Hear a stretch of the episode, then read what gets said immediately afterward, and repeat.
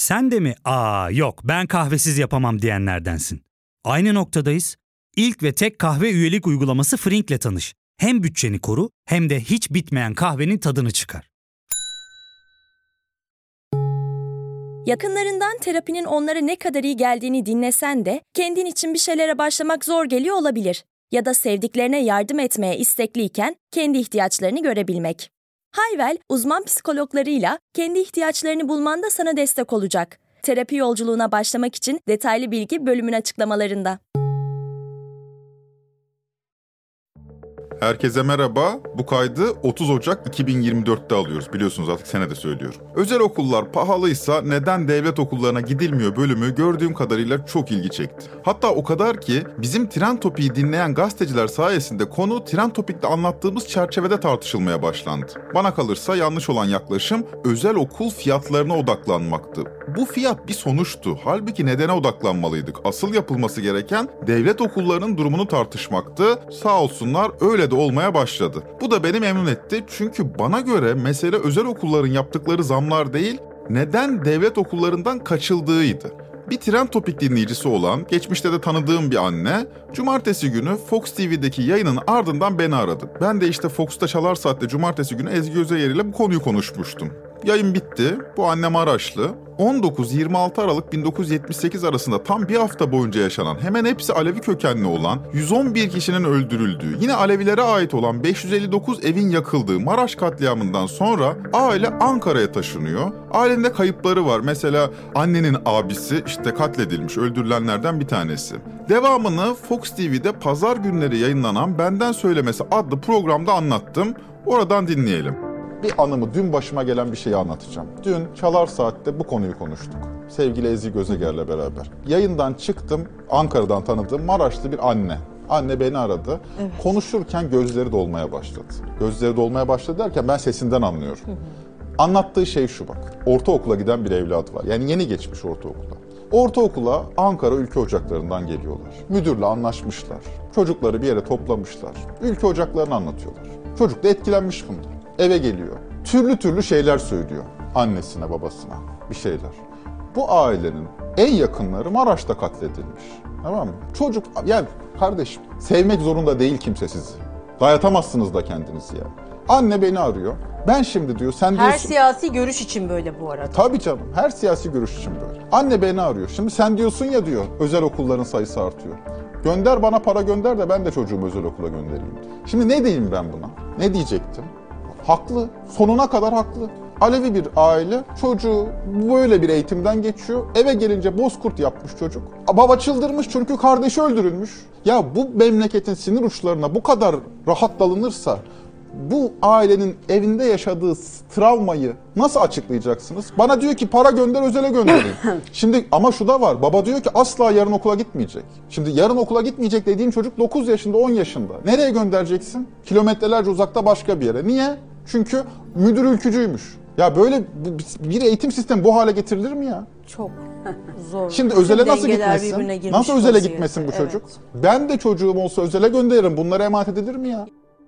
Bunları söyledikten sonra çok sayıda mesaj aldım. Sadece tarikat ve cemaatlerin okullardaki faaliyetlerine ilişkin değildi bu mesajlar.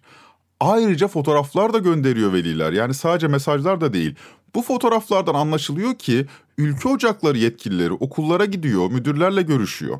Sadece protokol görüşmeleri değil, aynı zamanda ilkokullarda sınıflara giriyor ve öğrencilere kendi yayınlarını dağıtıyorlar. Bu esnada da çocuklara ülke ocaklarını anlatıyorlar. Yani halkın bir kısmının gündemindeki bir konu bu. Bir rahatsızlık vesilesi. Burada da işte bir gazeteci olarak bana ulaşmaya çalışıyor insanlar. Bu nedenle biraz önce benden dinlediğiniz olay münferit bir olay değil. Sadece bir olaydan bahsetmiyoruz yani. Türkiye satına yaygın bir sorun alanı burası. Ben de konuyu TV'de anlattım işte. Anlattıklarımın tümünü de size de dinlettim. Yani dinlemediğiniz bir şey yok. Hepsi bu kadar. Tüm olan bitenden haberdarsınız an itibariyle. Ve ne oldu biliyor musunuz? MHP Medya ve İletişimden sorumlu Genel Başkan Yardımcısı İsmail Özdemir biraz önce dinlediğiniz konuşmamı paylaşarak şunları yazdı.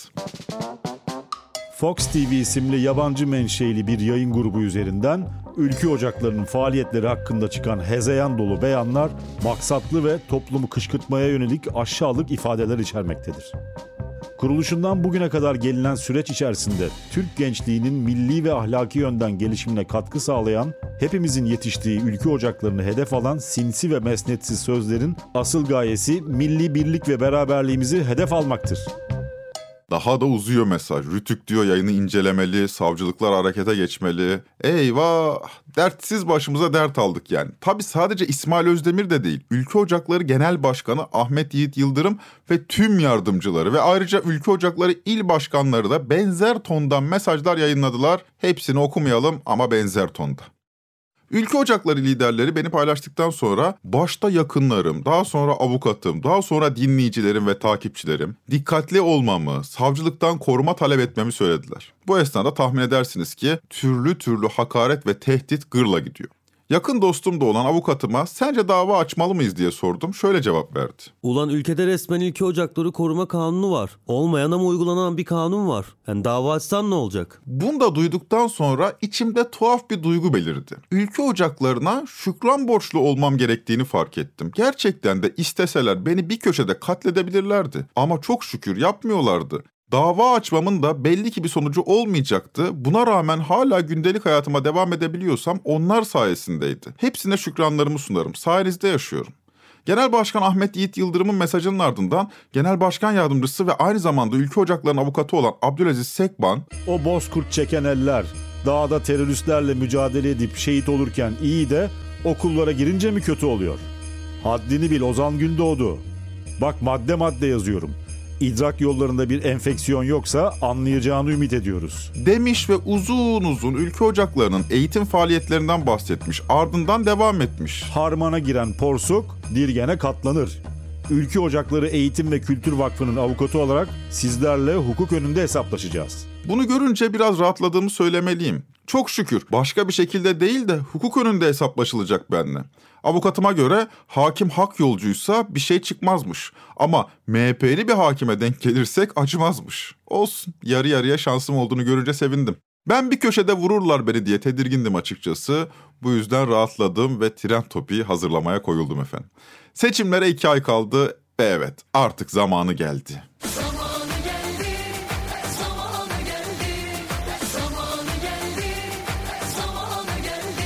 Zamanı geldi de ortada muhalefet yok. Daha doğrusu bir muhalefet gövdesi var da bu muhalefetin beyni nerededir, kolu nerededir, ayağı nerededir, ne der, neye itiraz eder, vizyonu nedir anlayabilene aşk olsun. Hal böyle olunca dayak üzerine dayak yiyor muhalefet. Çünkü çelişkilerle dolu bir yığın politika içerisinde debelenip duruyor.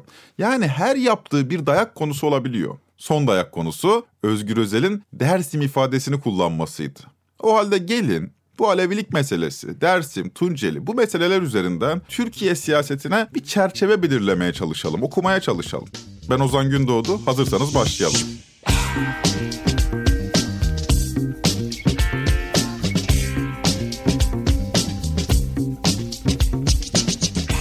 ...14 Mayıs seçimlerinin ardından 8 ay geride kaldı. Mayıs seçimleri anti Erdoğancı cephenin bir motivasyon yaratarak bir araya geldiği son seçimdi. Fakat seçim sürecinin motivasyonu yeni bir Türkiye vizyonu olmaktan ziyade Erdoğan karşıtlığında birleşen kesimleri bir araya getirmekten ibaretti.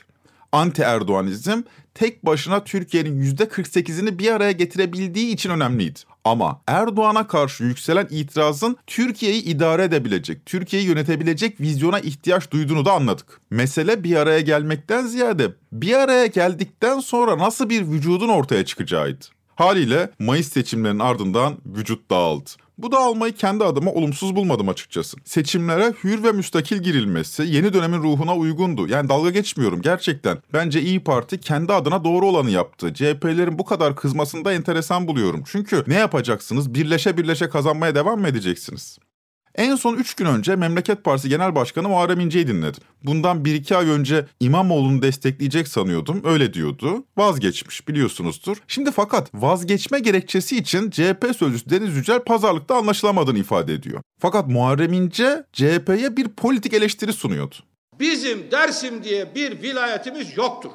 Dersim bir bölgenin adıdır. Oradaki vilayetin adı Tunceli'dir. Tunceli. Kamer Genç bile Dersim demiyordu. Tunceli diyor. Net. Neden ayrı dünyaların insanıyız anlatıyorum. Şeyh Said bir haindir. Nokta. Atatürk Nutuk'ta böyle demiştir. Böyledir. Şeyh Said bir haindir. Tıpkı İskilipli Atıf Hoca gibi. Bizim Dersim diye bir ilimiz yoktur vurgusu geçen hafta Tunceli İl Başkanlığı'nı ziyaret eden Özgür Özel'e yönelikti. Özel'in yaptığı konuşmaya Değerli Dersimliler, hepiniz hoş geldiniz. diyerek başlaması Özgür Özel'in üstüne yapışmıştı. Böyle iş mi olurdu? Atatürk'ün partisinin genel başkanı Tunceli'ye nasıl Dersim derdi? Onlar Dersim demeye ve devam ederse ne sağdan ne soldan Atatürk'ün yolundan ilerleyen Memleket Partisi nasıl CHP'ye destek verebilirdi?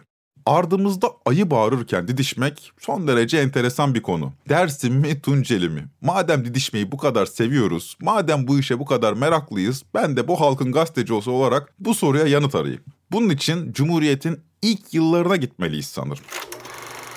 Osmanlı'nın sistemi biliyorsunuz günümüzdeki eyalet sistemine konfederatif bir yapıya denk düşüyordu. Bugünden bakınca eyalet diyebileceğimiz idari yapılar kendi içlerinde yarı özerk bir durumdaydı. Fakat Kurtuluş Savaşı koşulları böyle bir idari özerkliği kaldırabilecek kadar esnek değildi. Ülke kelimenin gerçek anlamıyla bir seferberlik halindeydi. Doğalında merkezi idarenin daha güçlü olduğu bir idari yapıya da ihtiyaç duyuluyordu. İşte bu ortamda 23 maddelik 1921 anayasası onaylandı. Bu anayasayla eyaletler sisteminden vilayetler sistemine geçiş yaptık. Bu değişiklik ilçe statüsünde olan yerlerin il olmasına, eyalet statüsünde olan yerlerin iller şeklinde bölünmesiyle sonuçlanacaktı. Bugün 81 adet ilimiz var. Son il Düzce biliyorsunuz. Cumhuriyetin kurulduğu fakat 1923'te 55 adet ilimiz vardı. Bu sayının yıllar içinde eksildiği de oldu, arttığı da. Yani illerin ilçe olduğu da, ilçelerin il olduğu da, iki ilin birleştirip tek bir il olduğunu da gördük. Fakat yeni cumhuriyetin kentlere yeni idari yapılar oluştururken bu kentlere yeni isimler vermek gibi bir motivasyonu da vardı. Bunu devrimci heyecanla açıklamak gerekir. Tümüyle baştan başa bir yenilenme ama bu devrimci heyecan zaman içerisinde toplum tarafından kabul gördükçe yerleşik hale gelecektir. Bu esnada adı değiştirilen kentlerden ilginç bulduklarımı sizlere aktarayım. Mesela Ertuğrul. Evet, Cumhuriyet kurulduğunda böyle bir ilimiz vardı. 1924'ten bu yana Ertuğrul kentine Bilecik diyoruz. Kimse Ertuğrul'u hatırlamıyor bile. Hatta 2017'de adını tekrar Ertuğrul yapalım diye önerge bile veriliyor. Hatta o tarihte sokak röportajları bile yapılmış Bilecik'te. Bakın henüz 7 yıl önce. E, Bilecik'in şu anda kamuoyunda isminin Ertuğrul olarak değiştirilmesi var. Sizce Bilecik olarak mı kalsın Ertuğrul olarak mı devam ediyor?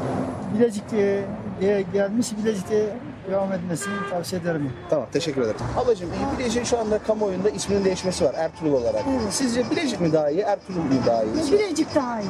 Daha iyi. Yani şimdiye kadar öyle gelmiş öyle gitmesi benim için daha uygun. Ama Bilecik'le alışmış bu isme. İstemiyor değişiklik. E haklı sayılırlar. Ne gerek var? Ha bana sorsanız ben popülist bir siyasetçi olsam bak ortalığı nasıl darmadağın ederim. Bilecik'e gideceksin. Bizim ceddimizin adı Ertuğrul'dur. Burası Ertuğrul'un kentidir. Şöyledir böyledir. O vatan millet Sakarya. Herkes Ertuğrul da isteyebilir. Yani bu işler biraz da halka ilişkindir. Isparta mesela. Cumhuriyet kurulduğundaki adı ne biliyor musunuz? Hamidabad.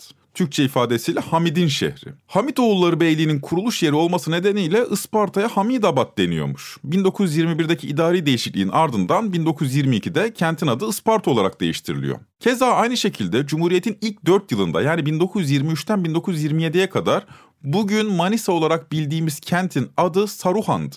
Bu değişikliğin arka planında Osmanlı sisteminin değiştiğini, isimleri de değiştirerek vurgulamak var. Ertuğrul, Saruhan, Hamidabad vesaire vesaire. Artık Osmanlı yok. Devrimci heyecan bunu vurgulamak istiyor. TBMM tutanakları incelendiğinde bu heyecan görülecektir. Mesela Cumhuriyet kurulduğunda hatta Cumhuriyet'in ilk 4 yılında Yozgat adına aşina değildik. Anadolu'nun herhangi bir yerinde Yozgatlıyım deseniz muhtemelen size boş boş bakacaklardı. Çünkü 1923'ten 1927'ye kadar Yozgat'ın adı Bozok'tu. Evet Bozok. Halen kentteki üniversitenin adı da Bozok'tur.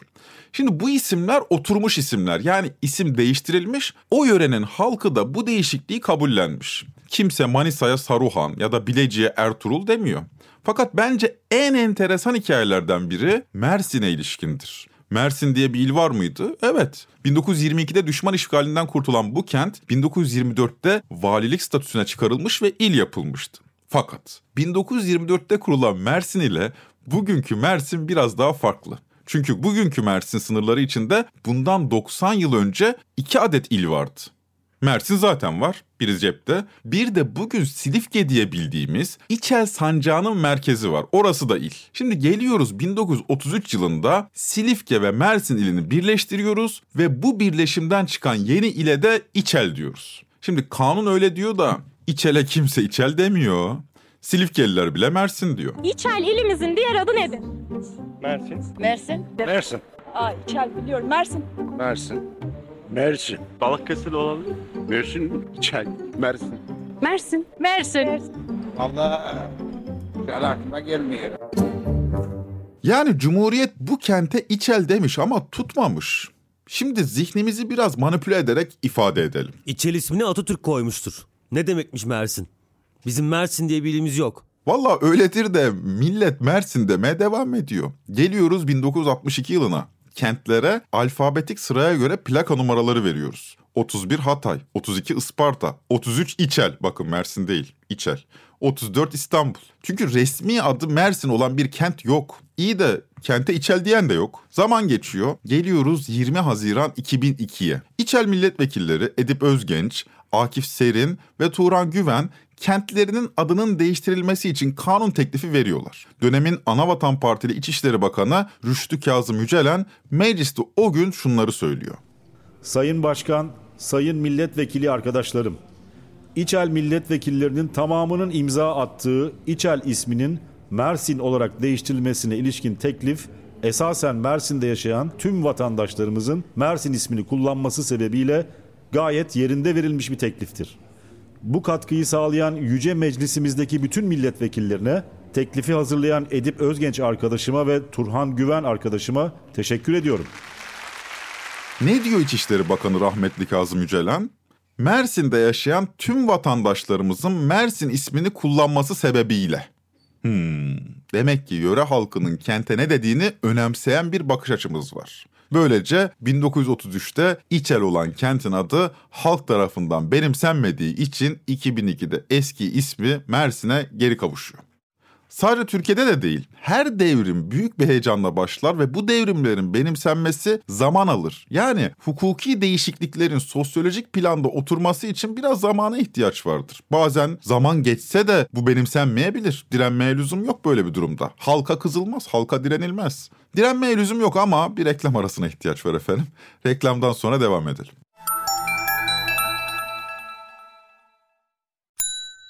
Ya fark ettin mi? Biz en çok kahveye para harcıyoruz. Yok abi, bundan sonra günde bir. Aa, sen Frink kullanmıyor musun? Nasıl yani? Yani kahvenden kısmına gerek yok. Frink'e üye olursan aylık sadece 1200 TL'ye istediğin çeşit kahveyi istediğin kadar içebilirsin. Günlük 40 TL'ye sınırsız kahve mi yani? Çok iyiymiş. Aynen. Hatta şu anda 200 TL'lik bir indirim kodu da var. E hadi hemen indirip üye ol da bu fırsatı kaçırma. Terapiye başlamak, içinden çıkamadığın döngüleri kırmak, bazı yanlış bulduğun kararlarını değiştirmek ve kendinle beraber daha huzurlu bir yaşam inşa etmek için atabileceğin en değerli adımlardan biri. Hayvel ile yoğun yaşam tempona uyum sağlayarak online terapi seanslarını takvimine göre ayarlayabilirsin. Bini aşkın uzmandan sana en uygun terapisti seçebilir, PodB10 koduyla indirimden yararlanabilirsin. Detaylı bilgi açıklamalardaki bağlantıda. Konuyla ilintili bir röportaj Flu TV'de sosyolog Besim Dellaloğlu ile yapılmış. Konu laikliğin anayasaya eklenmesiyle birlikte bunun halk tarafından ne ölçüde savunulur olduğuna gelmiş. Dellaloğlu, hukuk sistemindeki dikey değişimlerin toplumları etkilediğini ama doğrudan belirlemediğini söylüyor. Şimdi devletin eylemleri anayasal hukuksal alanlarda bu konuda ciddi değişimler, dönüşümler olması bu yatay alandaki sekülerleşme veya desekülerleşme süreçlerini etkiler mi? Etkiler ama belirleyemez. Bu böyle kara gibi hızlı ısınır hızlı savur çok tepkisel inişler çıkışlar olabilir ama burada belirleyici olan zamandır. Burası deniz gibidir. Yavaş ısınır yavaş soğur. Hukuk sistemindeki değişikliğin toplumsal aranada kabul görmesi için zaman gerekiyor. Gerçekten siz hukuk sistemini havaya sosyolojik sistemi suya benzetirseniz su daha geç ısınıyor, daha geç soğuyor Delaloğlu'nun dediği gibi. Fakat bazen de zaman ne kadar geçerse geçsin toplumun bunu kabul etmediğini anladığımız bir aşamaya geçiyoruz. Bu noktada geri adım atmak elzem hale geliyor. Bence tipik örnek ezanın Türkçe okunmasıdır. Allah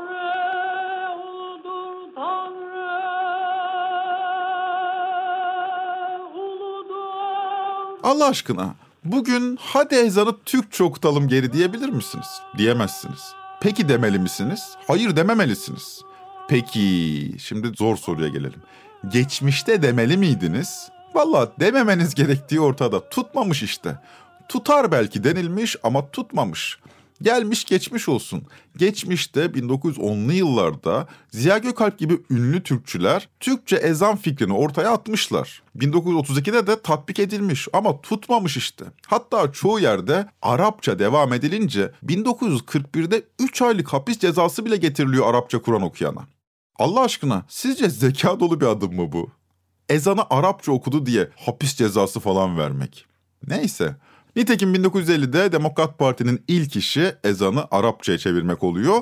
CHP de bu öneriyi destekliyor. Konu kapanıyor. Bu şekilde tutan ve tutmadığı için zaman içinde hayatımızdan çıkan onlarca devrim var. Mersin bir örneği, Türkçe ezan bir başka örneği. İşte bu Dersim Tunceli meselesi de aslında bir tutmama örneğidir. Ne Türkçe ezanda ne de Dersim meselesinde vaziyetin vatan hainliği çerçevesinden ele alınmadığını görüyoruz. Fakat Dersim biraz farklı. Dersim biliyorsunuz normalde il. İsme ilişkin türlü rivayetler var ama en yaygını Desim aşiretinden geliyor.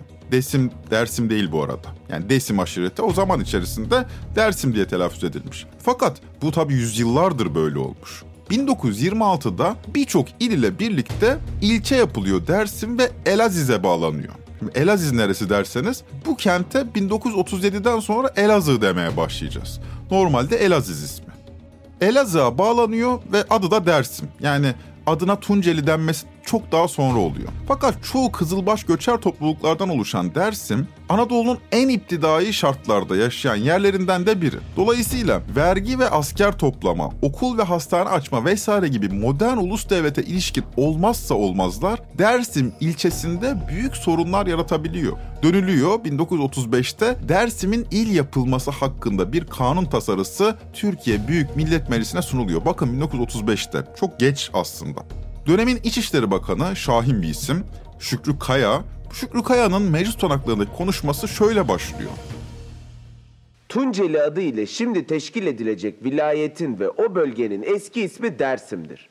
Dersim eski zamanda da muayyen bir mıntıkaya verilmiş bir isim değildir. Yani şehirler, vilayet sınırları modern devlete ilişkin kavramlar. Dersim gerçekten bir bölgenin adı ama o bölgenin nereleri kapsadığı, halkın bildiği bir şey. Resmiyete kavuşmuş bir şey değil. Fakat deniyor ki şimdi biz burayı il yapıyoruz, adına da Tunceli diyoruz. 30'lu yılların henüz ortasındayız. Dünyada faşizm rüzgarları esiyor. Türkiye'de de bu rüzgara uygun bir İçişleri Bakanı Şükrü Kaya var. Çetin Ceviz bir tip.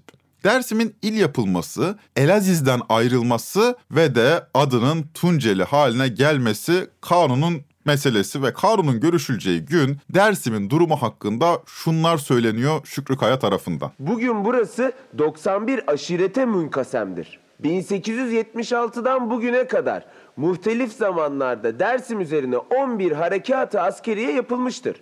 Halkı cahil, biraz da toprağın fakirliği dolayısıyla halkı fakir olur ve eli de silahlı bulunursa tabii böyle bir yerde vukuat eksik olmaz.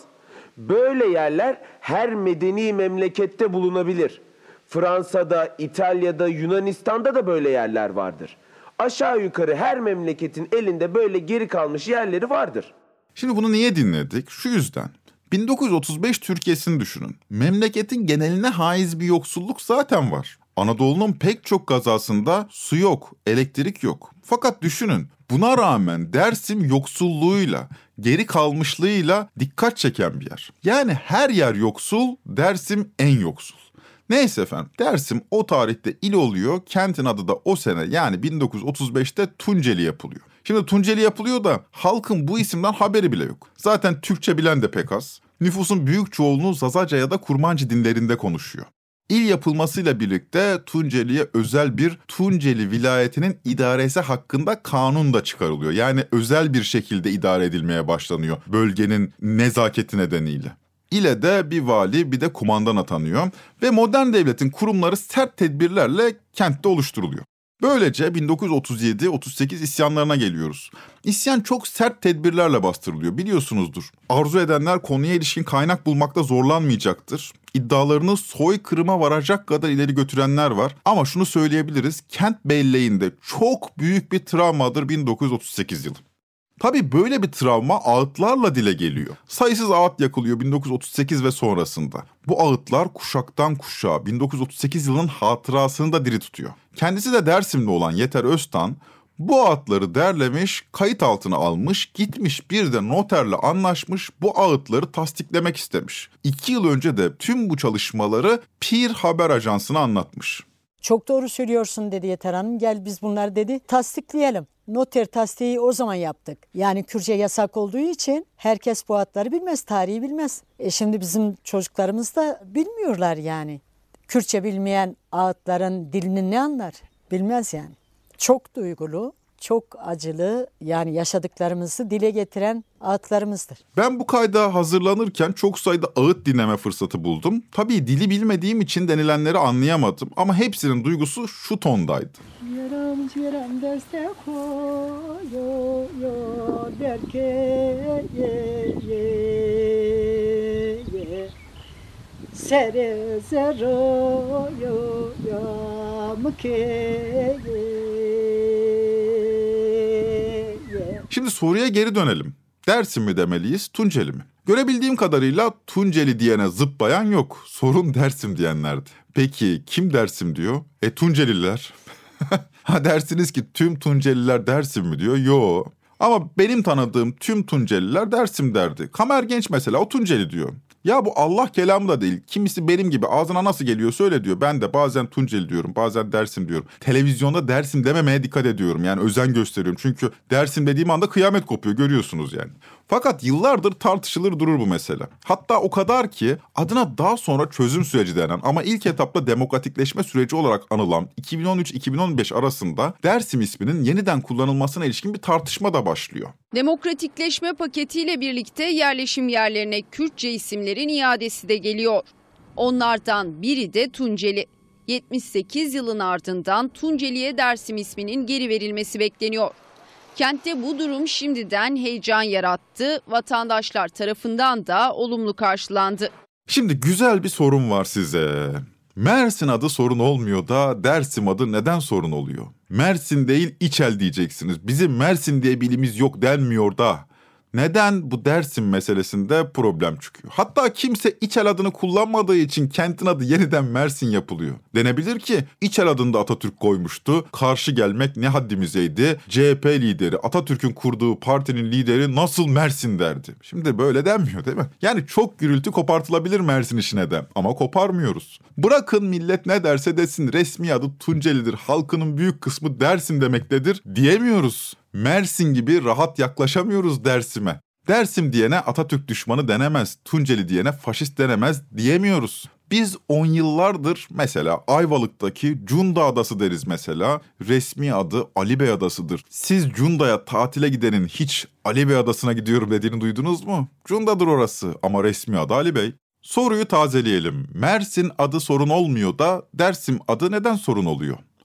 İşte bu sorunun cevabını ararken bir başka soruna kapı aralarsınız ki ona da Kürt sorunu diyoruz. Dersim adının tartışılma nedenlerinin başında da bu kimlik bunalımı yatıyor. Bir kere Kürt kelimesi zaten 1990'lara kadar yasak. Yani Türkiye'de Kürt yok. Bu noktada Cumhuriyet'in ilk 70-80 kadar yılı inkar politikasıyla geçiyor. Yani onlar zaten Türktür diyoruz. Hala daha kamusal alanda Kürt demek tedirginlik verir halkımıza. E Tunceliler bir de Alevi ya. O yüzden Kürtler Şafi olur, biz Kürt değil Aleviyiz gibi bir kimlik bunalımı da yaşanıyor. E kentin 1938'de de bir travması var. İyi de kardeşim Atatürk'ün kurduğu partinin lideri Dersim der mi hiç gibi bir anlatıyla da karşılaşıyorum. Özgür Özel'i savunmak derdinde değilim ama bu mesele Alevilerin büyük oranda CHP'li olmasına ilişkindir. Enteresan bir tartışma Ataşehir Belediye Başkanı Battal İlgezdi'nin bu sefer aday yapılmamasına ilişkin yaşandı. Battal İlgezdi 2009'dan bu yana Ataşehir'i yönetiyor. Bu seçimde aday gösterilmeyince partisinden istifa etti. İddiası da çok büyüktü. Ya 30 sene belediye başkanı yapmış. Şimdi Küçücekmece Belediye Başkanı çok başarılı. Diğer belediye başkanları çok başarılı. Ha bir tabloyu gördük ki bir katliam yapılıyor bir de parti içinde çok açık bir şekilde Kürt ve Alevi tasfiyesi yapılıyor. Bunu görüyorum. Bunun için istif ettim. Bundan sonrasında sahada bu arkadaşlarla görüşeceğiz. Bunu herkesin böyle bilmesi. Partiden diyor Kürt ve Aleviler tasfiye ediliyor. Şimdi böyle deyince biz ne anlayalım? Bir yandan Kürtler, bir yandan Aleviler mi tasfiye ediliyor yoksa hem Kürt hem Alevi olan Dersimliler mi tasfiye ediliyor? Orada Kılıçdaroğlu'nun Dersimli oluşu meseleye boyut kazandırıyor. Yani deniyor ki Kılıçdaroğlu üzerinden siz bu partideki Dersimlileri dışlıyorsunuz. Tasfiye ediyorsunuz. Baksanıza 3 dönem belediye başkanlığı yapmış Battal İlgezdi 4. dönem aday gösterilemeyince bu iddiaya sarılarak istifa ediyor. Yani CHP'den bir biçimiyle istediğini alamayan bu iddiaya sarılıyor da böyle çok geçerli değil bana kalırsa. İşte bu koşullar altında ama Tunceli'ye giden CHP Genel Başkanı Özgür Özel de aslında daha önce defalarca kez kullandığı şekilde Değerli Dersimliler, hepiniz hoş geldiniz. diyor. Türkiye'nin mevcut iklimi de göz önüne alınınca bu mesele üzerinden büyük yaygara koparılıyor. Bu yaygaraların tümü Türkiye'nin gerçek sorunlarının üzerine perdeliyor. CHP'nin eleştirilebilecek onca başarısızlığı varken CHP'ye yok Dersim'de de yok bunlar demleniyor demek şeklinde eleştirmek bence popülist halk düşmanı siyasetçilerin işi. Bu nedenle zorbalığa lüzum yok. Arzu eden Dersim desin, ağzını mı bağlayacaksınız? Ki zaten bağlayamıyorsunuz. Arzu eden Tunceli desin ki zaten resmi adı. Bu mudur yani meselemiz? Peki Battal İlgez'in dediği gibi CHP'den Aleviler tasfiye mi ediliyor? Bu pek mümkün bir iş değil. Bunun için Alevilerin ne zamandan bu yana CHP'li olduklarını, neden CHP'li olduklarını anlamak gerekiyor ki bu konuyu zaten yeni CHP'den yepyeni CHP'ye bölümünde konuşmuştuk. Arzu edenler tekrar dinleyebilirler. Açıklamalar kısmına bırakıyorum. Didişmeyi bırakalım artık bak kaç kere diyeceğim bunu. Aklı selim biçimde birbirimizi dinleyerek tartışmamız gerekiyor. Trend Topi'yi Podbi Medya ile beraber hazırlıyoruz. Bir sonraki bölüme kadar Hızır yoldaşınız olsun efendim. Hoşçakalın.